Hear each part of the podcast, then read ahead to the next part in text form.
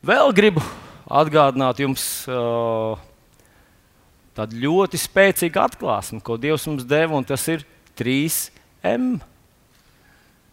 Pajautā lūdzu tam, kurš sēž tev blakus, vai tu zini, kas ir 3M? Un iespējams, ka mēs jau esam tā pieraduši pie tā 3M, ka domājam, nu, ka tas ir fons vienkārši. Nu, kad nav ko uzlikt, ir 3M - mīlestība, māceklība un misija. Bet es tiešām gribu teikt, ka tas ir.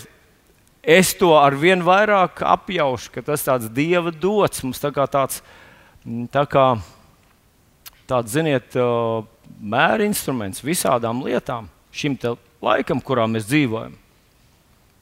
Un tas mums allaž atgādina, ka esam radīti mīlestības dēļ.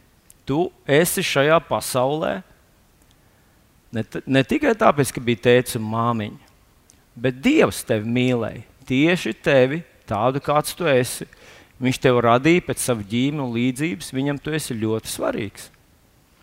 Un viņš mūs izglāba atkal mīlestības dēļ. Jā, 3.16 mums saka, ka Dievam, nu, ja es teiktu, ka Dievam nebija žēl mūs, tad tas uh, neskanētu pareizi.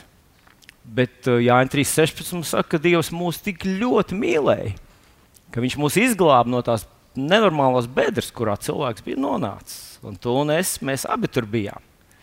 Tātad mēs esam radīti mīlestības pēc, esam izglābti mīlestības pēc, un mēs ejam uz mīlestību. Mēs ar tevi. Tu zini, ka dzīves laiks strauji ir uz priekšu. Un jauniešiem jau, protams, brīžiem, es domāju, jauniešiem manā vecumā, brīžiem liekas, ka tas stāv uz vietas, vai ne? Bet skaties, jau ir februāris un februāra vidus. Nākošais, kad es to pieminēšu, noteikti būs nākamā svētdiena. Tā kā es neesmu tas ļoti pragmatisks cilvēks. Bet ļoti iespējams, ka pēc īsa mirkļa tu konstatēsi, ka jau ir jūnijas. Vai ne? Būs jādomā, kur pirkt eglīti. Laiks brāžas uz priekšu. Nu, lūk, kas tad mūs gaida tur gala beigās? Ne jau kaps un ne jau vecumdienas Tavas un manas labākās dienas būs gaida priekšā. Atcerieties, mēs runājam mēneša pirmajā svētdienā, ka Jēzus teica, es gribu, lai viņi ir pie manis. Viņš saka, lai viņi redz to skaidrību, kāda man bija pie tevis, tad, kad es biju pie tevis, lai viņi redz mani. Kas notiks tad, kad mēs ieraudzīsim Jēzu viņa skaidrībā, viņa godībā?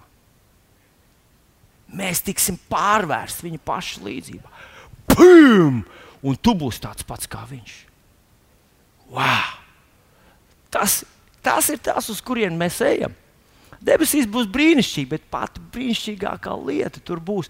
Tu skatīsies uz Jēzu un, un, un, un aizmirsīsi uz, uz tūkstošiem gadiem. Tu vienkārši skatīsies uz viņu, baudīs, priecāsies.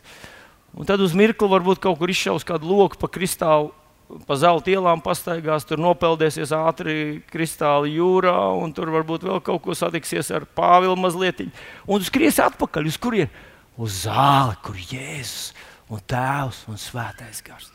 Mēs ejam, mīļie draugi, uz mīlestību. Tas ir tas, pēkšņi mēs konstatēsim, kam mēs esam radīti. Mēs tur tik ļoti iederēsimies. Tev nekā nepietrūks. Pilnīgi nekā nepietrūks. Tu būsi tur. Un tas ir tas, kas mums atgādina mīlestību. Tad otrs vārdiņš, māceklība, runā par mūsu statusu un par mūsu kompetenci. Mēs mācāmies no paša Dieva dēla, Mēsīs. Mēs esam viņa mācekļi. Un šajā pasaulē mēs esam, lai, lai pārstāvētu debesis. Mēs nevis vienkārši cenšamies nodzīvot līdz nāvei neatkrituši, bet mēs ietekmējam šo pasauli.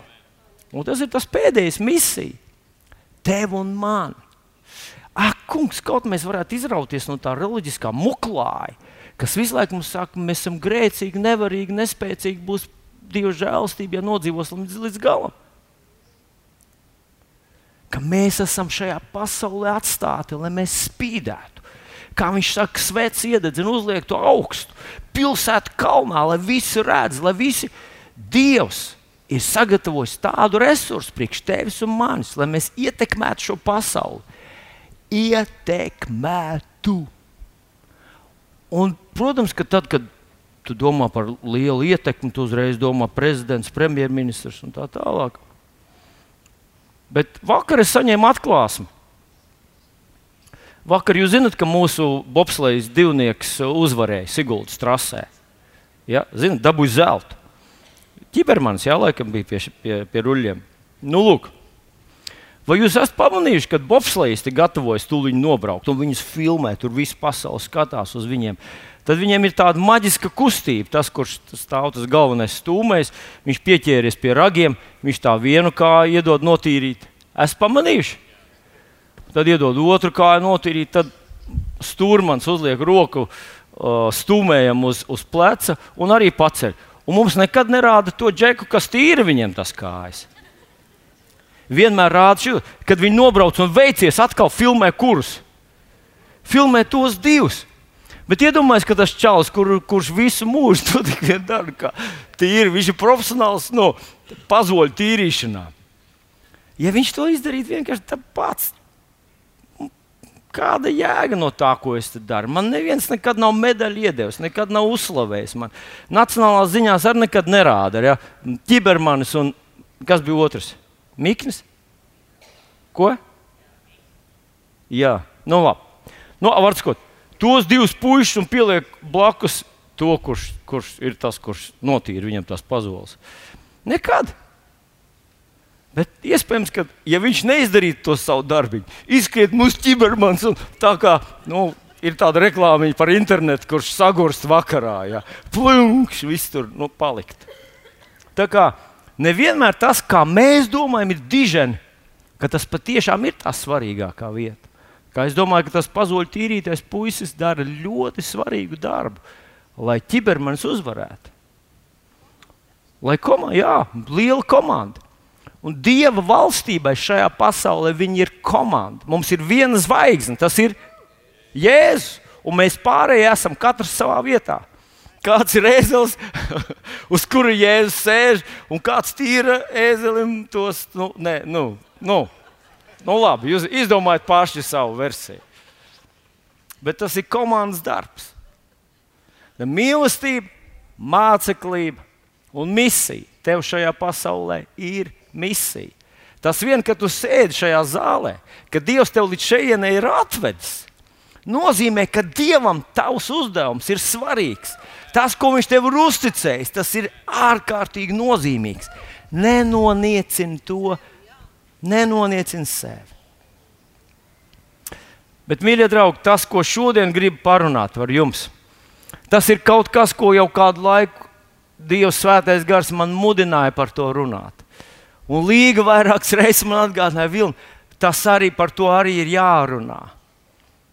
Jo ir iespējams, ir iespējams, mīļie draugi, ka ar visu to, ka esam mīlestībā dzimuši, ar visu to, ka mācāmies no Jēzus, un ar visu to, ka mums ir uzdevums šajā pasaulē, un tas ir nozīmīgs un svarīgs Dievam un cilvēkiem, mēs varam to nesasniegt.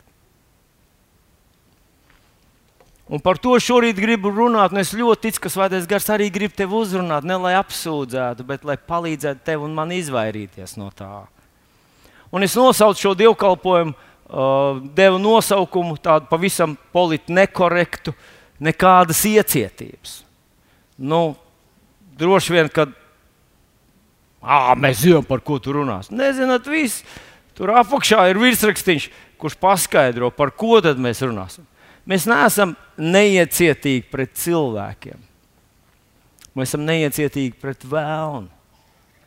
Nedodiet, Vieviziešu 4. nodaļā rakstīts, nedodiet vietas vēlnam. Nu, kāpēc mēs nevaram viņam dot vietas? Mēs taču esam tik labi un dāsni cilvēki. Pareizi. Mēs taču esam, nu, nu, kas tad ir tas vēlns? Un Bībele mums atklāja, ka viņam ir, ir laikam četras tādas pamat, pamat īpašības, kas vēlnam ir. Un tās izskaidro, ko viņš dara. Vispirms viņš ir melis, viņš ir zaglis, slepkava. Un, nu, kā, lai, kā lai to izdarītu? Latvijas tā labi pasakā. Viņš, viņš ir tas, kurš grauj. Viņš grauj. Grauj ko tad? Cilvēku personību, piemēram, no iekšpuses. Viņš grauj redzējumu, viņš grauj kalpošanu, viņš grauj ģimenes, viņš grauj likteņus. Un viņš saka, nekādas iecietības, nedodiet nekādu vietu vēlnam, slepkavam, zaglim un sagrāvējam un melim. Nedodam viņam vietas. Mums ir nesamierināma cīņa. Mēs ar jums atrodamies realitātē, kuru mēs īstenībā, nu, mēs ik pa laikam aizmirstam to. Jo, jo ja mēs vērtējam pasauli tikai pēc tā, ko mēs redzam, tikai pēc tā, ko dzirdam, varam sataustīt, sagaršot, sadzirdēt, tad mums liekas, ka nu, nu, nu nav tā. Tā nav. Bet Bībele mums atklāja, ka realitāte ir, ir nemitīga, nenogurstoša, nesamierināma cīņa starp Dieva valstību un Vēlna valstību. Un tā, tas, tas ļoti nozīmīgais faktors ir tas, ka Dievs Vēlnu ir uzvarējis. Faktiski, un paskatieties, kā tas sākās. Bībelē sākās ar to, ka Dievs ieliek cilvēku ēdienas dārzā un dod viņam varu pār zemi, dod viņam varu sargāt un kopt zemi. Un tad mēs zinām, cilvēks pazaudē šo savu, šo savu varu. Viņš to dod vēlnam. Tāpēc, ka cilvēks, pirmais cilvēks to pazaudē, jo, par, jo vara pār zemi tika dot cilvēkam, Dievam bija jākļūst par cilvēku lai kā cilvēks viņš atkal atgūtu šo varu. Un tas ir tas, ko Jēzus izdarīja. Viņš atguva atkal atpakaļ cilvēkam varu pār šo zemi. Un tad viņš to deva saviem mācekļiem, viņš to deva man un tev. Mēs ar tevi esam atkal atbildīgi par zemi. Mums ir vara pār zemi. Un visa mūsu kristiešu dzīve sastāv būtībā no divām daļām. Un tās divas daļas ir tādas, ka Tā viena daļa ir padodaties Dievam, atcerieties, Jēkab 4, 7. Padodaties Dievam, paklausat Dievam, un otra daļa stāviet vēlnam pretī. Varbūt, ka tu esi ļoti stiprs tajā, ka tu paklausi Dievam. Tu ļoti aktīvi uh, skaties viņa raksturvietas, tu tās turi savā prātā, tu turi tās savā sirdī, un tu esi ļoti perfekts tajā, ka tu padodies Dievam. Bet tur bija tā otra daļa - stāviet pretī vēlnam. Stāviet pretī vēlnam. Ir kaut kāda pretimstāvēšana, ir kaut kāda uh, konfrontācija, konfrontācijas daļa mūsu dzīvē, un ja viņa neeksistē, ja viņa nav, tur ir tas apsolījums tālāk. Uh, stāviet pretī vēlnam, un viņš bēgs no jums. Ja es nestāvu pretī vēlnam, viņš nebēg. Ko tad viņš dara? Viņš aktīvi piedalās manā dzīvē. Jā, bet Vilni, es tā neesmu, es esmu Dieva bērns, es eju uz draugu svētdienu. Tas ir ļoti, ļoti labi. Un Dievs uzrunā un audzina tevi savā draudzē. Un arī šajā rītā viņš uzrunā tevi un saka, ka tu atrodies nemitīga kara apstākļos. Tu padodies Dievam un stāvi pretī zaglim, melim, slepkavam un grāvējam. Grāvējam. Nu, paskatieties, kā tas apstults Pēters to raksta. 1. Pētera vēstulē, 5. nodaļā, 8. un 9. pāns. Esiet skaidrā prātā, esiet modrīgi. Un tālāk paskatieties, kas tur teikts. Jūsu pretinieks vēlns.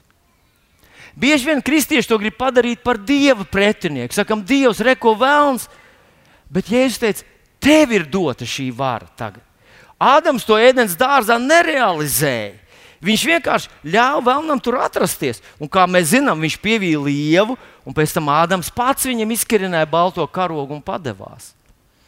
Bet šodien šī vara ir atkal, atg un reizē arī atbildība ir atkal atgriezta mūsu ziņā, tavā un manā atbildībā. Tavs pretinieks vēlns. Tev ir pretinieks pretinieks, varbūt mēs kādreiz domājam, nu, ka tas tā kā tāds sportisks kaut kas, kurš būs labāks, ātrāks. Nē, nē, tur ir pilna viss dziļums tajā vārdā. Jūsu ienaidnieks, vēlns. Viņš ir īsts ienaidnieks, viņš ir īsts zaglis, viņš ir īsts melis, viņš ir īsts slepka, viņš ir īsts sagrāvējs. Un, ja tu ļausi viņam, viņš sāks ar to mazāk um, jūtamo melošanu. Pēc tam viņš lēnām zāģēs visas tavas personības pamatus. Līdz viņš sagraus, un tu vairs par ko par sevi nebūsi pārliecināts. Un viņš turpinās. Bet paskatieties, ap, kas tur rakstīts vēl tālāk. Jūsu pretinieks vēlns staigā apkārt, tad viņš aktīvi to dara. Vēlns neguļ dienas dusu, vēlns nav aizbraucis komandējumā kaut kur. Un, ja tas pat nav lielais pats Lucifers, ir noteikti dēmoni, kas ir piekomandēti tev, kas ļoti uzmanīgi strādā ar tevi. Un ar maniem arī staigā apkārt, kā lauva rūkdams, meklē, ko tas varētu aprīt.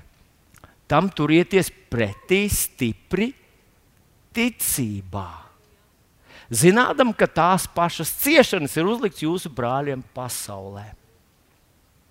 Zināt, kad es biju kādus gadus atpakaļ, es dzirdēju vienu mācītāju, kurš šajā vietiņā, kur rakstīts ciešanas, viņš runāja par cīņu. Viņš teica, ka tā pati cīņa ir uzlikta visiem jūsu brāļiem pasaulē. Ar to saskarās visi.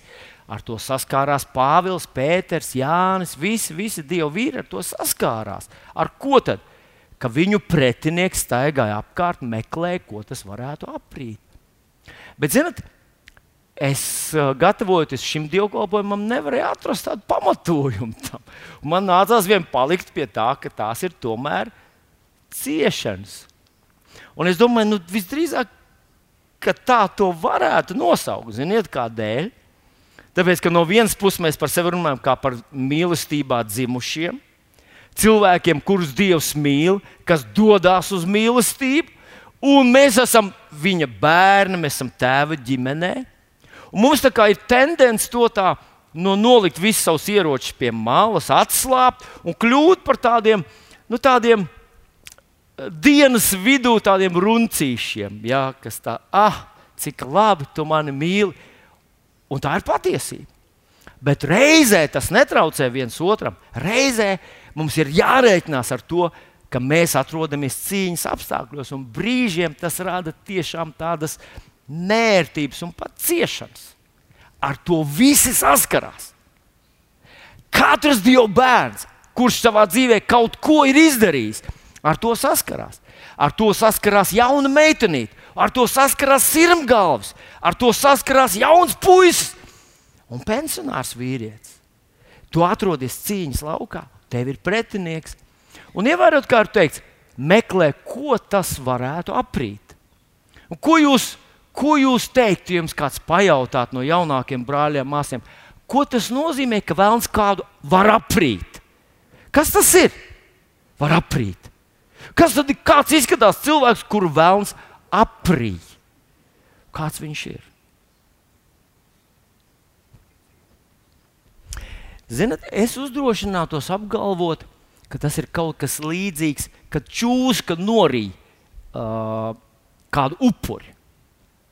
Viņa nenorī, viņa nes, nes, nesakošļā viņu pa gabaliņiem. Viņu tā kā ievelk iekšā. Un viņš tur iekšā lēnām tajā čūskas ķermenī. Kādreiz var redzēt čūsku, un tad govs iekšā, un, un, un, un, un tad atkal čūska. Lēnām, lēnām viņš spiež. Tas spiediens ar katru mirkli kļūst, un viņai nav ar ko pretoties. Viņa ir atslēgta no visas pasaules.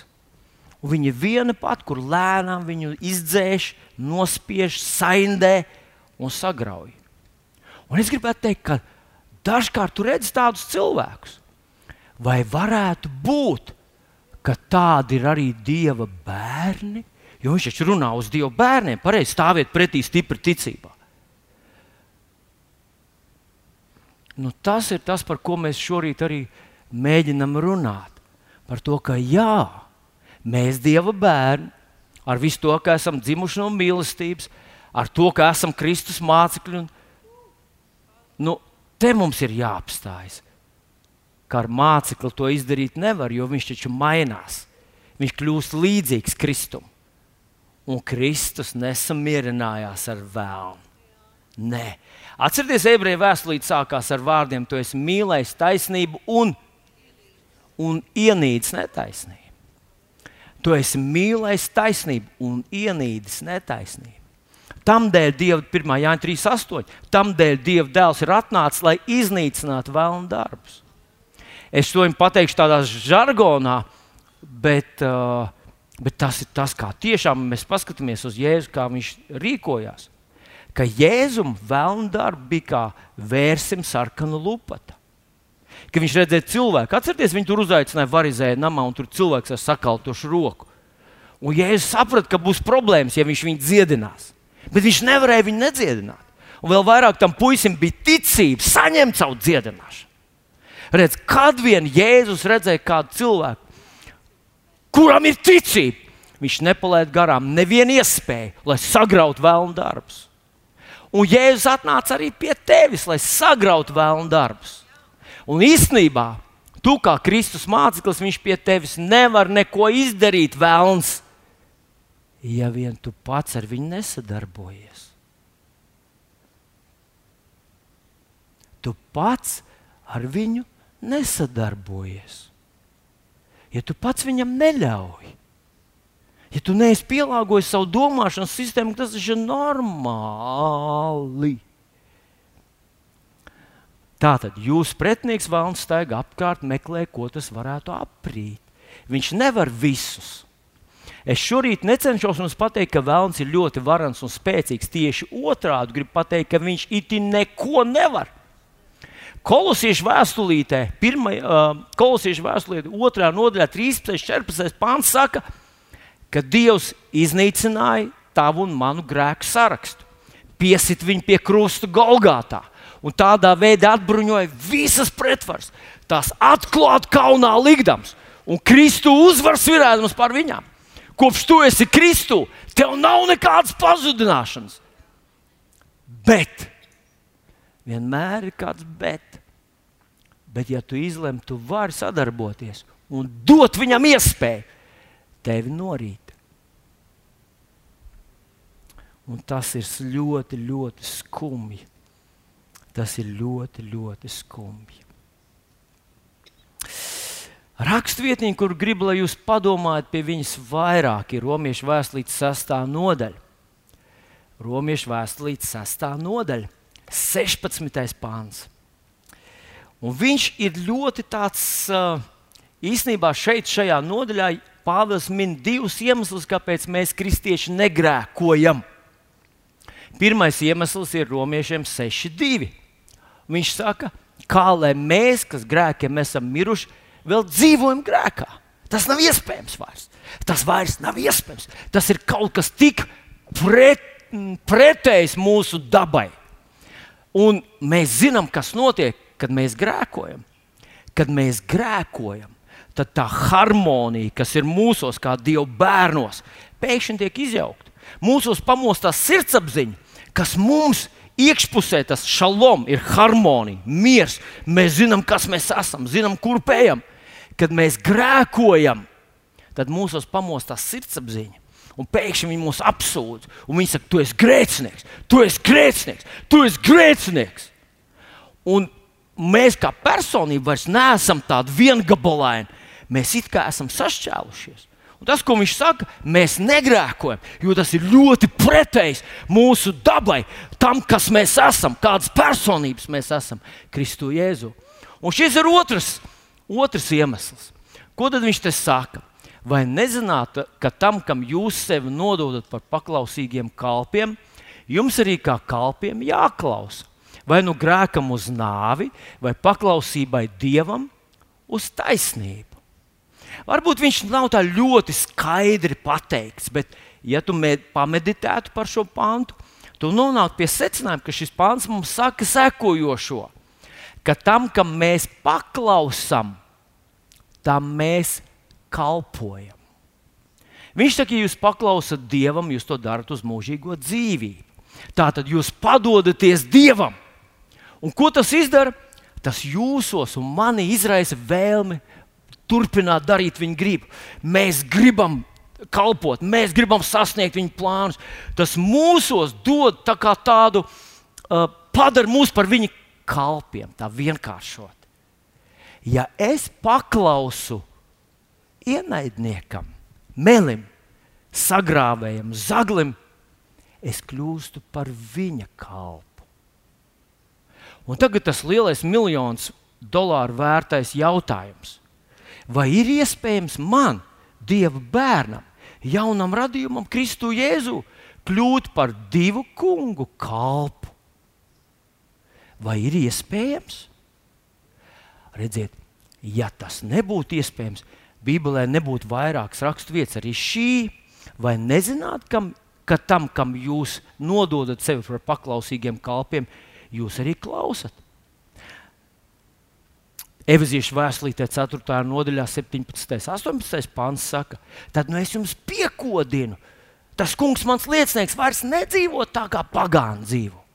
Redziet, ja mēs dzīvojam turp un atpakaļ, kādreiz vecajā derībā Jozo teica tautai, viņš teica, cik ilgi jūs klibosiet uz abām pusēm. Ja tas kungs ir Dievs, kalpojiet viņam. Ja bāls ir Dievs, nu tad kalpojiet viņam. Bet es un mans nams, viņš saka, mēs esam izlēmuši. Mēs zinām, kam mēs piedarām. Mēs zinām, ko mēs darām. Mēs zinām, kurā pusē mēs stāvam. Un mēs kompromisu neslēgsim. Vai ir iespējams, ka kāds ir ne šis, ne tas? Tā ziņā, ka no rīta viņš ir šis, vakarā ir tas. Vai ir iespējams, ka ka kāds spēr solus priekšu, paklaus Dievu, apliecina savu ticību, pasludina, ka Jēzus ir viņa kungs, un vakarā soli atpakaļ. Un runā melus, atraisa melus. No rīta kalpoja, paklausīja, kalpoja Dievam, vakarā paklausa un kalpo vēlnam. Tas ir iespējams, draugi. Ļoti varbūt biedējoša patiesība, bet tā ir patiesība. Tas ir iespējams. Ziniet, kā izskatās tāds kristietis? Uh, jaunieši manā vecumā noteikti zinat, atcerieties, mums bija tāda, tāda izklaide, saucās jojo. Katram kabatā bija jojo, vai ne? Viņš neko daudz neaizņēma. Viens ļoti labs sports veids bija. Uzmauc uz pirksta diedziņu un tad met tādu, nu, tādu apaļu rimbulu. Viņš brrr, nogāja lejā, brrr, uznāca augšā. Žēl, es nevarēju vairs savēju atrast, un Līga man savēju nedēļu, jo viņa teica, ka viņa pati grib spēlēt ar jojo. Tāds kristietis, ziniet, pirmdienā viņš jūtas, jā, halleluja, halleluja. Pirmdienas vakarā viņš jūtas, ka viņš tur ir lejā. Un viņš ir augšā, lejā, augšā, lejā. Jā, Dievs, ir, nē, Dievs, tā. Dievs dziedina, nē, man ir man iekšā tur kaut kas. Žim, žim. Un kādreiz mēs domājam, ka tā tam jābūt. Tā ir normāla dzīve. Nu, kā man taču arī ir jūtas? Es esmu cilvēks. Bet tas ir tas, ne šis, ne tas, ne īsti tas, ne īsti šis.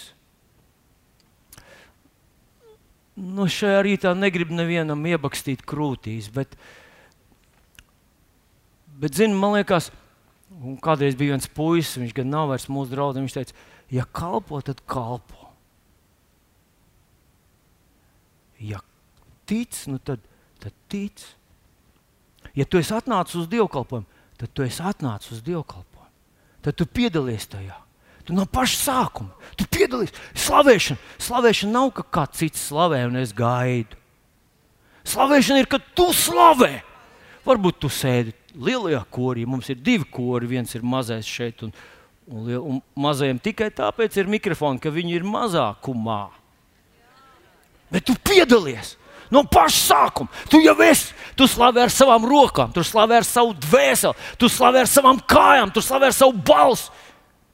Hei, draugi!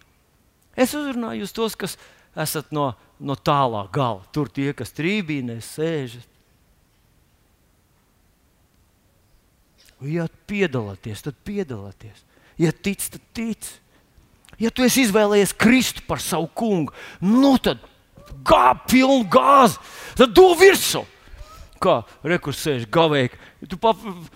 Ja, ja, Viņš visu, es viņu pieminēju, tāpēc, ka viņš visu dzīvi braucis ar motociklu. Un es viņam vairāk reizes kaut kādas mēģināju, kaut kādas tur pajautāt, kaut kādus tos, tos trikus. Un, kas, un viņš tur sāka kaut ko sarežģītu, skaidrot, bet beigās viņam viss noreducējās. Dod virsū! Dod, kā lai nu, nenokrīt. Viņš tur sāka kaut ko sarežģīt, viņš beigās zina, bet dod virsū! nu, ja tu esi sācis ar Jēzu un tu nedod virsū, nebrīnies, ka tu kā... dod virsū paļaujies uz viņu, rīkojies ticībā. Tu iesāc garā, un tad nobeidz līdz galam garā. Esi kaut kas. Jā.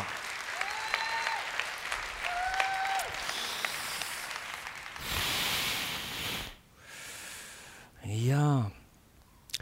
Mīļie draugi, gribu jums vien atgādināt vienu stāstu no Bībeles par ļoti cienītu apakstuli, kurš kādu laiku arī esot Tradīcija saka, ka bijis arī agrīnās draudzes galva vai mācītājs. Tas ir apustulis Pēters.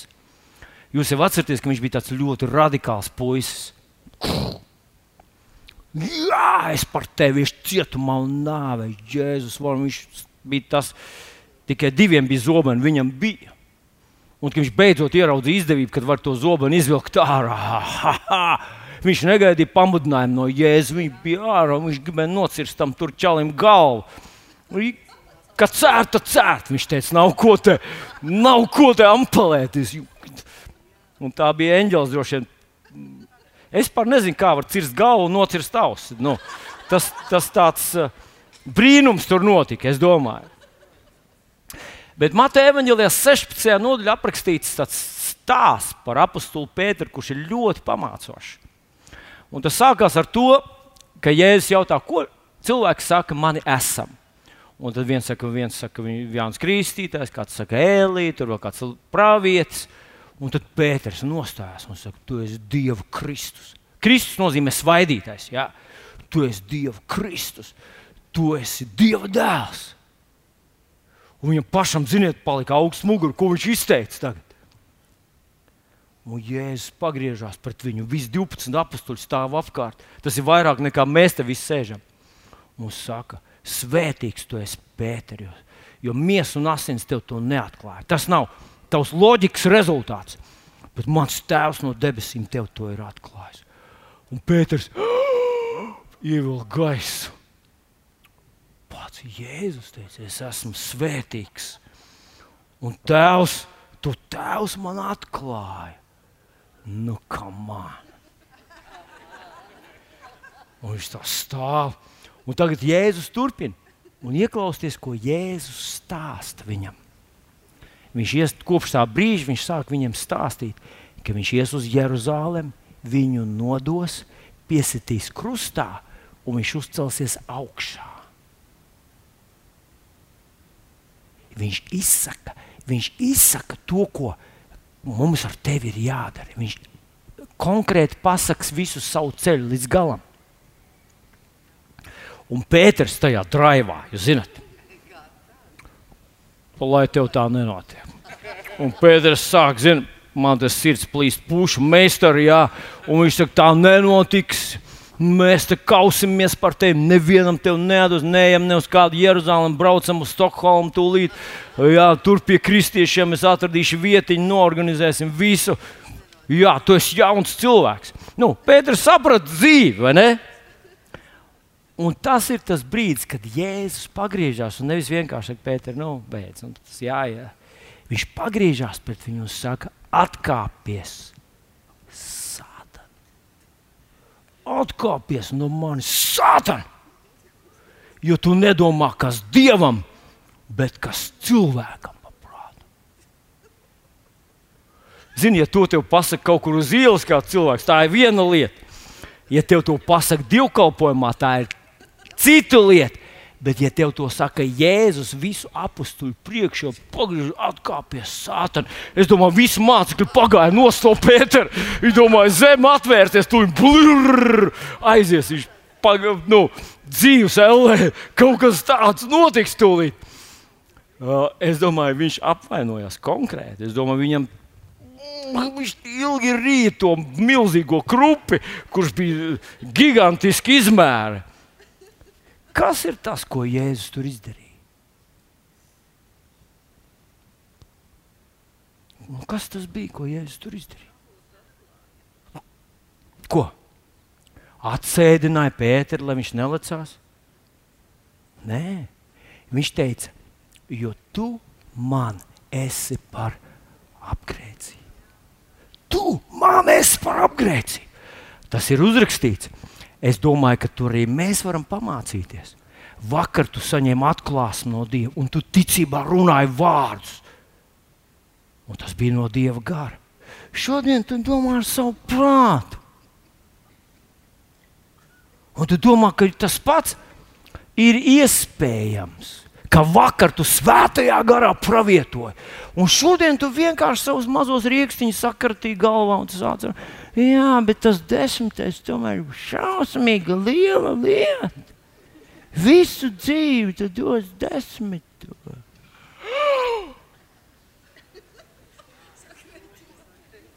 Parēķini, cik naudas tu dzīves laikā noziedo, kur tā visa paliek. Ko? Un tad tu tā parēķināji, cik cilvēku un cik apmēram.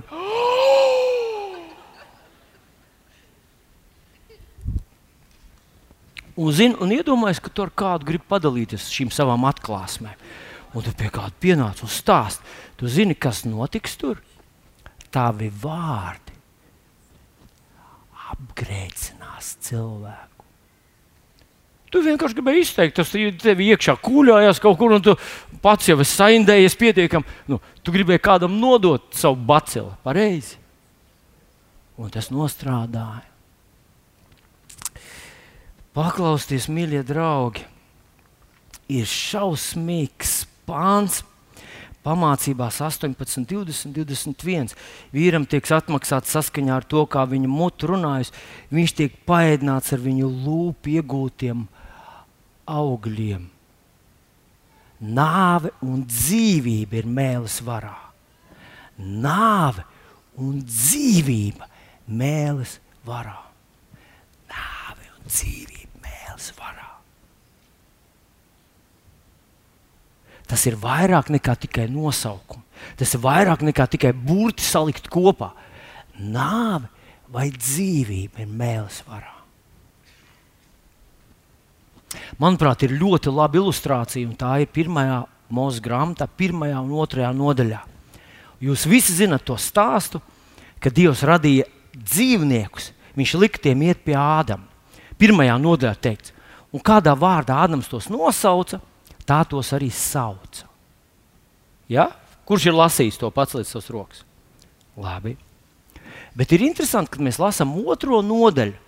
Tad otrajā nodaļā vēlreiz stāstītājs, un mēs zinām, ka tas ir Mozus, kurš svētā gara iedvesmots, dieva iedvesmots, raksta šo te uh, Mozus grāmatu. Viņš vēlreiz atgriežas pie šī stāsta. Un, zinot, viņš to it kā atver vaļā, paplašina. Un Kris Volotons, kas būs pie mums marta mēneša beigās, viņš saka, ka viņš ir izpētījis to ebrejisko kontekstu. Un tajā senajā ebreju valodā, vai pareizāk sakot, tajās senajās valodās, tas, kas mums ir no, mm, pasniegts, kā viņš nosauca vārdā, zebra viņš nosauca par zebru, kamielis ir kamielis. Varēja nosaukt par uh, kukurkuģi, bet viņš nosauc par kamieli. Viņš saka, ka īsnībā otrajā nodaļā jūs varat pārlasīt par mūsu latviskajās bībelēs, ir tā rakstīts, ka Dievs izveidoja dzīvniekus un neko neteica. Ka viņš izveidoja tos dzīvniekus no zemes un lika tiem iet pie Ādama. Un tad kādā vārdā Ādams tos nosauca? Ādams it kā piedalījās radīšanas procesā. Un tad, kad Ādams nosauca to dzīvnieku kādā vārdā, tad tas vārds saturēja ne tik daudz nosaukumu, kā visu tā, cil, tā dzīvnieka dabu, viņa raksturu, to viņa personību. Citiem vārdiem, kad viņš teica, piemēram, lauva, un mums visiem uzreiz lauva, kas ir lauva? Tas nav ņau, ņau. Lauva ir lauva tad lauva kļuva par lauvu. Vai jūs sapratāt, ko es mēģināju pateikt? Viņš iegūst savu personību, iegūst savu to lauvas mentalitāti, to visu lauvas, o, nu, kas, kas, ar ko mēs saprotam ar lauvu šodien. Ja nāve un dzīvība ir mēls varā, un ja tas ir uzrakstīts, lai mēs ar jums saprastu, tad mūsu vārdi tam, kas ar mums notiek, mēs varam piešķirt tam vai nu kaut kādu ļoti smagu lietu, uh, raksturu, vai padarīt to nekaitīgu. Nu, piemēram, visi mēs kādreiz esam saskārušies ar kaut kādām, nu, ar kaut kādām tur, nezinu, nu, bērniem, kaut kādām lietiņām. Nu, Saukstais bērns, viņam, pieņemsim, ir klaps. Vien kādam cilvēkam ir pilnīgi, pieņemsim, māmiņu, uzticēja auklītei, tagad viņi saņem bērnu no auklītes, un pēkšņi bērns nu, klepo tā, ka maucās ārā visas plaušas uz ārā. Mamma uzreiz pagriežas par to. Auklīts saka, jā, viņam druskuļi klaps. Un man te kāds klāpus izklausās pēc plaušu karsona, pēc. Um, kas vēl tur ir? Jā, tur ir Tur ir garais klepus ar pneimoniju, un, nezinu, kas tur vēl. Ko tu dari ar mani bērnu? Man tā pie doktora jāiet, un viņam mazliet antibiotikas būs jāšpricē. Nu, Mamma vienkārši gribēja padarīt auklīti atbildīgu, pareizi. Tikko viņi to zvēriņu, kurš varēja kļūt par uh, kāmīti, tikko viņi nosauca par jūras vēlnu. Jūras vēlns, ne Tasmānijas vēlns ir tāds ne, neliels dzīvnieciņš, bet baigu agresiju iekšā, baigu cīņas spēku. Ziniet, tas nozīmē, ka mēs savai dzīvei, tev kaut kas notiek. Nu, es esmu dzirdējis, kāds saka, braucam, mēs sēžam blakus, pēkšņi tur, nu ir tur, vistumšākajā vietā. Kas notika? Riepu pušu. Kāds teikt, hei, jāsamaina riepa. Nu, ir absolūti pavisam kaut kāda sadzīviska situācija. Ar to varu, kas ir mūsu mutē, mēs pārvēršam to par nelaimi.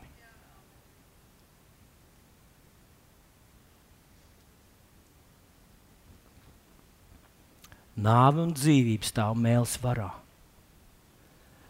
Nāve un dzīvība mēls varā. Wow! Nāve un dzīvība mēls varā. Es jums pastāstīšu, kā ar mani vienreiz bija. Es biju nonācis uz, uz Amerikas robežas. Nu, mēs tur tādu grupiņu gājām cauri robežu kontrolē. Un robežsargs starp visiem tiem parastiem cilvēkiem, kaut kā viņam aizdomīgs izskatījos es. Un man palika paiet maliņā. Es jūtos ļoti aizvainots. Zini, tev liekas, visiem taču vajag redzēt, man nimps virs galvas. Ar citu, visi svētie redz man nimbu virs galvas. Jūs redzat? Vai jūs redzat to eņģeli man aiz muguras? Visi svēti cilvēki redz. Tu neredzi?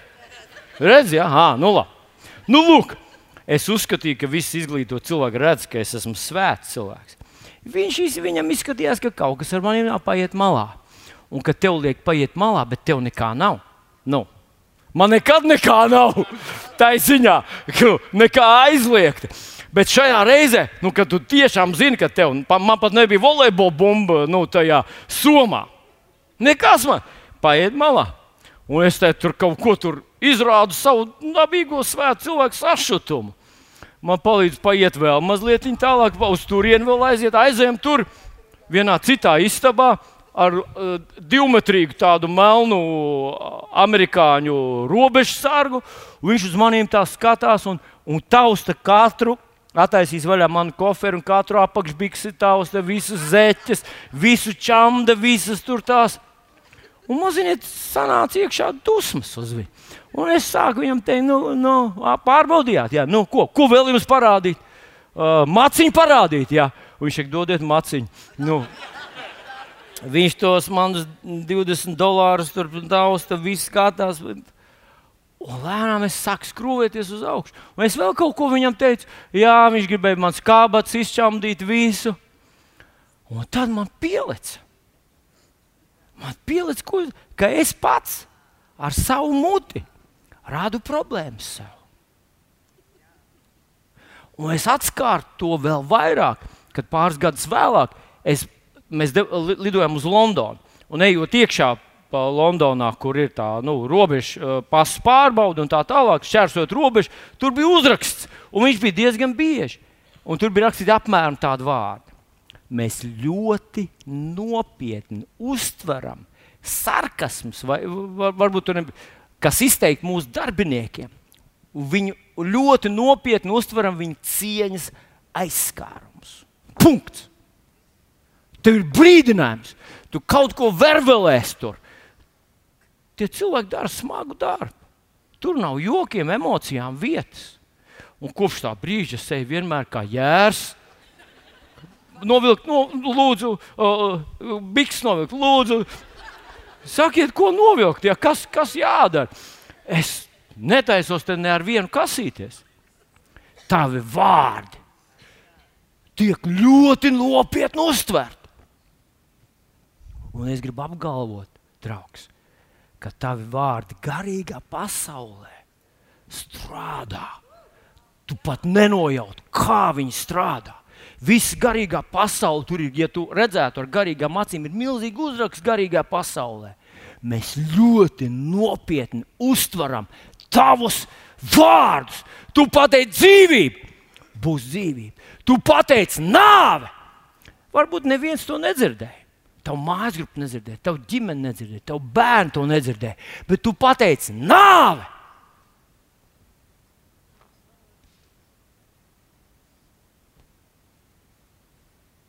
Vai tu bieži saki nāve? Ne burtiski nāve, bet vienkārši kaut kas ir slikts, kaut kas ir stulbs, kaut kas ir dienas stulba, valsts stulba, ceļš sūdīgi, mašīna drāmīga. Bieži to saka.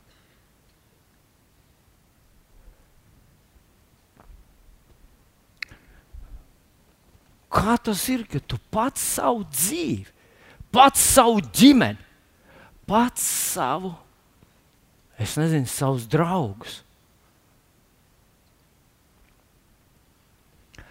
rakstvietiņu, kur mēs šo priekšpēdējā, kur mēs paskatīsimies, kur runā tieši par to pašu. Ir reviziešu vēstulī 4. nodaļa no 26. līdz 32. pantam. Es nevarēju visu viņu uzlikt uz ekrāna, bet, ja tev ir, es skatos, ka diezgan daudz lasa līdzi savās bībelītēs, lūdzu, palasiet, bet arī ieklausieties. Tātad dusmās neapgrēkojieties lai saule nenoriet jums dusmojoties.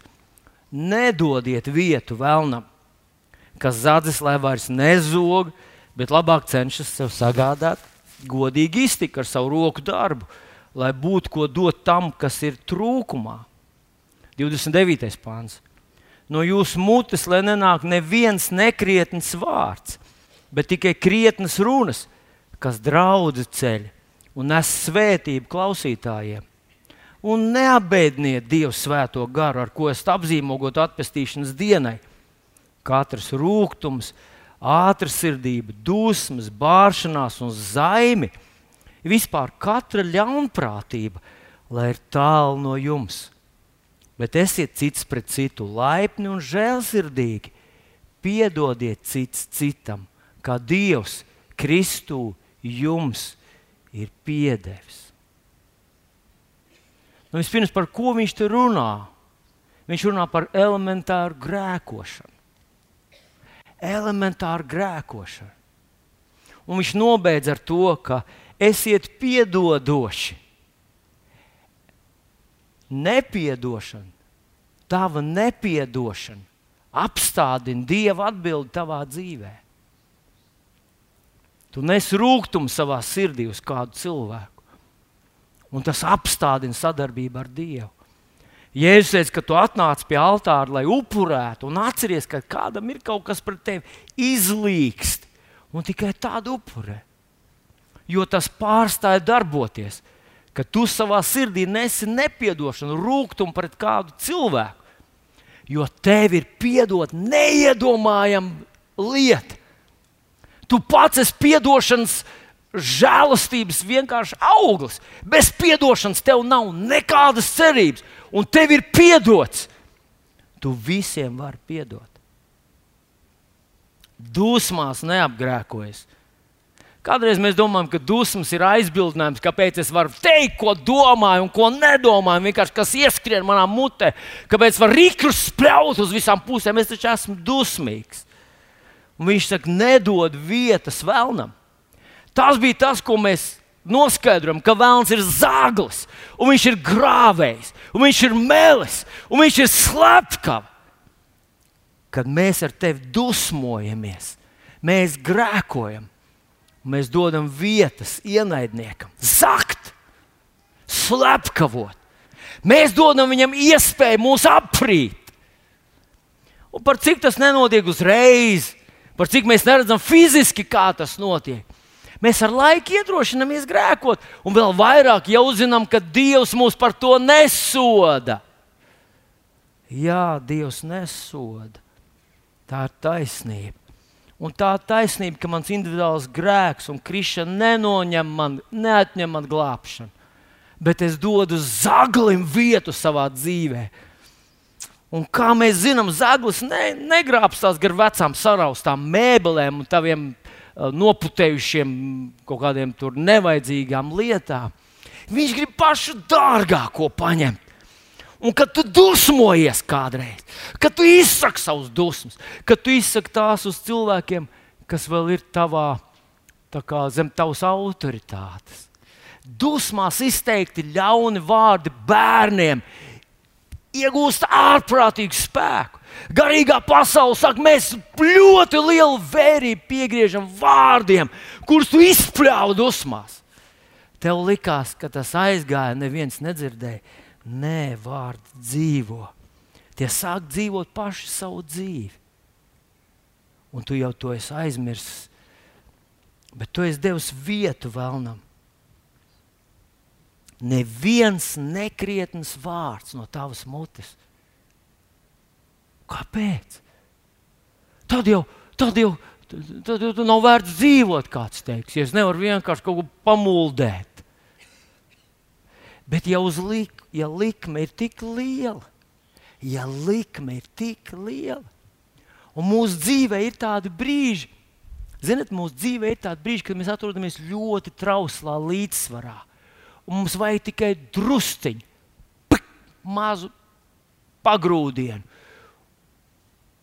Un tas, kur mēs būtu izgājuši cauri, varbūt tā ir šaura vieta, varbūt tu par savu bērniņu cīnies. Varbūt tu nesi bērniņu, varbūt tu esi šeit vai tur vai kādā citā lietā.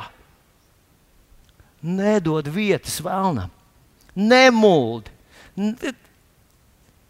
Nemuldi. Nevienam no tā nav labāk, ka tu vienkārši kaut ko muldi. Tu kritiski muldi. Piedodiet, šausmīgi skan mācītājs, saka savai draudzē, nemuldi. Es kādreiz esmu pieķēris sevi, ka vienkārši kaut ko mūldi. Un vai zinat ko? Bija gadījums, kad Līga pagriezās pret maniem un teica, atkāpies sātam! Un es jau neko ļaunu negribēju, kaut ko tur savā loģikā kaut ko runāju. Bet viņai tas bija tajā mirklī tik svarīgi. Viņa par kaut ko stāvēja. Un es vienkārši savā cilvēciskajā verbalēšanā grasījos to nezinot. Vienkārši bija ļāvis, lai tas, tas tumsas ienaidnieks, lai viņš lieto mani tajā brīdī. Vārdi ir ļoti stipri. Ja tev ir jāpasaka kādam no taviem ģimenes locekļiem, hei, nu tu ej par tālu, tu vari pagriezties un pateikt, Jēzus vārdā sāta, tavu vārdu neko nenozīmē. Es saistu, es atsakos no tu, atkāpies no manis. Tu neatņemsi man ticību. Un gudrs, kristīgs, ģimenes loceklis sapratīs, ka ne jau tu esi tas vēlns. Bet kaut kā neuzmanīgi tu esi nonācis tajā vietā, ka tevi izmanto ienaidnieks. Vienkārši izmantojot cilvēcisko loģiku, mēdz vēlas nozagt tev dārgāko, ko tavs varbūt pāri tavs dzīves biedrs stāv par kaut ko, ko viņš tic. Ne katrs rūkums, ātrsirdība, dusmas, bāršanās. Jēkab 3.16 rakstīts, jo kur ir, mm, kā nu bija, kur ir ķilda, jo kur ir sajukuma, kur ir ķilda, tur ir viss. Tur īstenībā mēs varam tā vienkāršot pateikt, kur ir ķilda, tur ir velns.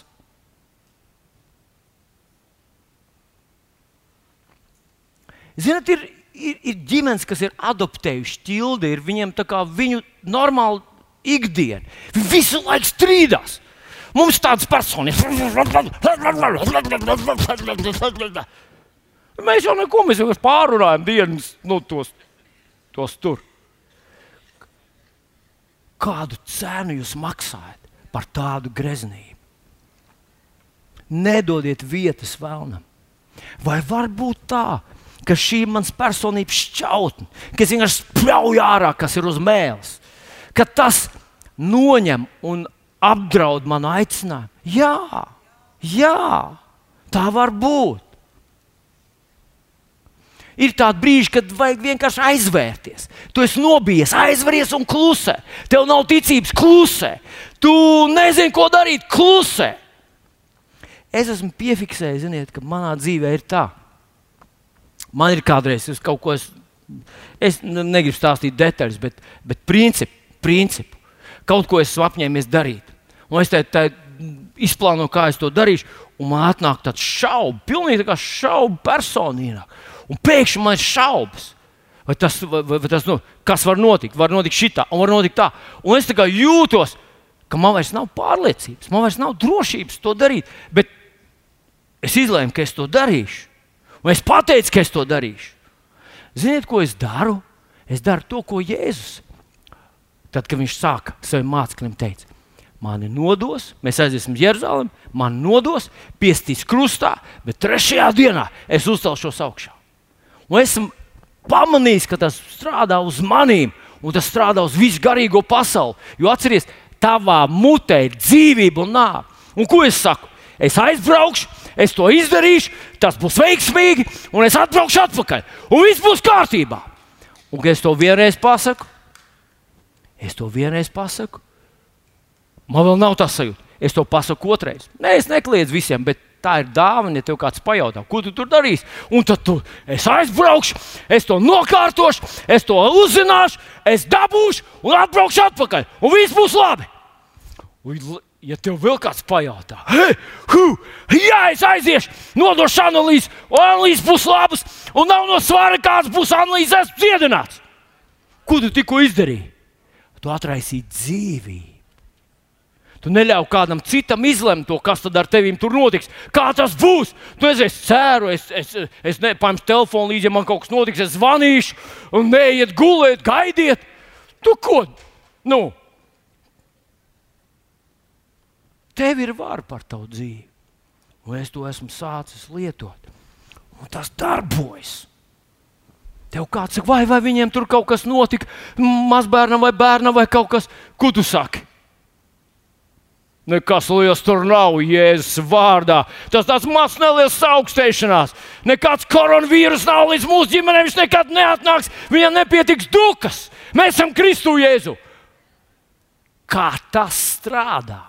Un, ja tas vēl nav vienkārši vārdi, ja tas ir saistībā ar tavu ticību, pasakot saviem bērniem, viņi aizies un noliks eksāmenu, un viss būs labi. Un viņi aizies un noliks. Pasakot viņiem, ka neviens viņam nepaskarsies. Pasakot viņiem, jābrauc, kad neviens ļauns viņus nepamanīs. Pasaki taču, kurš cits to izdarīs, ja tu to nedarīsi. Nē, bet nedod vietas vēlnam. Mēs varam dot vietas vēlnam un tas sūdzēties Dievam Nu, kāpēc tā notika? Kur tu biji? Viņš ir tur pat, kad, tad, kad viņš iedeva varu. Un zinot, ko es izdarīju, kad es biju tajā uh, uz robežas ar to, ar to melno policistu, ar kuriem mums bija savstarpējas antipātijas. Man nepatika viņš, un viņam nepatika šis lecīgais ārzemnieks, kas atbrauc uz viņa zemi. Tur. Es pēkšņi apjautu, un es izdarīju to, ko 1. Jāņa 1.9. saka. Es saku viņam, kungs, sar, es ļoti atvainojos par savu attieksmi. Es zinu, ka jūs tikai darat savu darbu. Lūdzu, ja man kaut kas jādara, sakiet tikai, kas jādara. Es domāju, viņš kritīs man ap kaklu uzreiz, un skūpstīs. Es teikšu, o, es jau arī gribu atvainoties tev un piedot. Jau... Nekā tam līdzīga. Viņam nepakustējās ne muskulis viņa sejā. Viņš vienkārši atdeva man somu, teica, lai seju. Es gaidīju, ka sauks atpakaļ. No čur! Mēs vēl nepaskatījāmies rengeni, tev neuztaisījām, nevis kaut ko norīs un, un, un nelikām tev iet. Nu, Jūs zināt, ko es labi, nu, avārds ko. Un es aizgāju projām. Ko man darīt? Ja es esmu savārījis sūdus, piedodiet par vārdu, ja esmu pateicis kaut ko savam dzīvesdraugam, esmu pateicis savam bērnam, pateicis savam darba vietai, es esmu kādam pateicis kaut ko, ja tu kādam pateicis, tad jāiet pie tā, kādu viņam jāpasaka. Tu ļoti nožēlo, ka tu vienkārši brīžiem nekontrolē savu uh, šito te aparātu, un tāpēc tavā dzīvē tev pašam ir tik daudz problēmas. Un tā tālāk, un atvainojies, ka tu biji aplams. Tas ir viens, ko tu dari. Ja kādam tu esi pateicis, bet ja esi vienkārši izdarījis kaut ko vai pateicis kaut ko, tad Jāņa 1,9 ir uzrakstīts tieši šādiem gadījumiem. Tur nav runa par glābšanu. Mēs glābšanu nesaņemam izsūdzot savus grēkus. Bet te ir runa tieši par to situāciju, ka tu zini, ka tu esi apgrēkojis, tu esi devis vietu ienaidniekam. Un tagad viņš indē tavu dzīvi, čakarē tavu veselību, viņš bojā tavu pašapziņu, viņš ārda tavu personību. Tad ko tu dari? Tu atzīsties. Tas vārdiņš, kas tur lietots, vārdiņš atzīstamies. Viņš ir homolego, leg, homo, leg, homogo, homolego, homolegeo. Kaut kā homolegeo, grieķu vārds. Un tas vārds, homo, mēs zinām, no kā nāk homo, nevis tas pats. Tad teikt to pašu. Īstenībā viņš saka, ja tu saki to pašu, ko Dievs saka, ja tu piekrīti Dievam, tad viņš ir uzcīgs. Ja tu saki, kungs, tas bija nepareizi, ko es izdarīju. Kungs, man tā nevajadzēja. Mēs, es runāju, nāve, ak, Dievs, es esmu lai svētīts šeit. Man ļoti žēl. Es atzīstos savā noziegumā. Tad tā glābšana, kas ir tavā garā, ienāk tavā dvēselē. Un viņš šķīsta tevi Un tas kanāls, kas ienaidniekam bija, lai, lai postītu tavu dzīvi, viņš ir likvidēts. Viņš ir likvidēts. Viņš tev varbūt nekrīt, un nejūties uzreiz, kad tev kāds krīt ap kaklu un tev skūps. Tev vādīja somu, saka, ej, un nedara tā vairāk. Vairāk tā nedara. Tas ir šausmīgi, glupi darīt krēkus. Tu esi dzimis no Dieva. Tas ir pretrunā ar tavu personību un nedod ienaidniekam vietas. Tu taču esi Dieva armijā, tu esi viņa svaidītais. Viņš tev noliks šajā pasaulē, tu izdarīsi svētīgas, lielas lietas. Nesadarbojies ar ienaidnieku, nekļūst par divu kungu kalpu. Tu esi tā kunga kalps, paklaus viņam, un ja paklaus, tad no paša sākuma līdz pašam galam. Jēzus vārdā. Tāpēc mēs ne, nekādas iecietības pret grēku Mēs nespēlējamies ar grēku. Mēs nedzīvojam ārlaulības attiecībās. Mēs nezogam, nemelojam, neaprunājam, netiesājam, mēs nedusmojamies, mēs nekritizējam cilvēkus. Jo no visām šīm darbībām nekā laba nenotiek. Nekas labs no tā neiznāk. Nevienam nekad. Un tu vari nodarīt sev sliktu ar to. Un vēl kādam, kur tu ļoti, ļoti mīli. Mēs nedodam vietas vēlnam. Amen. Mēs esam no mīlestības dzimuši.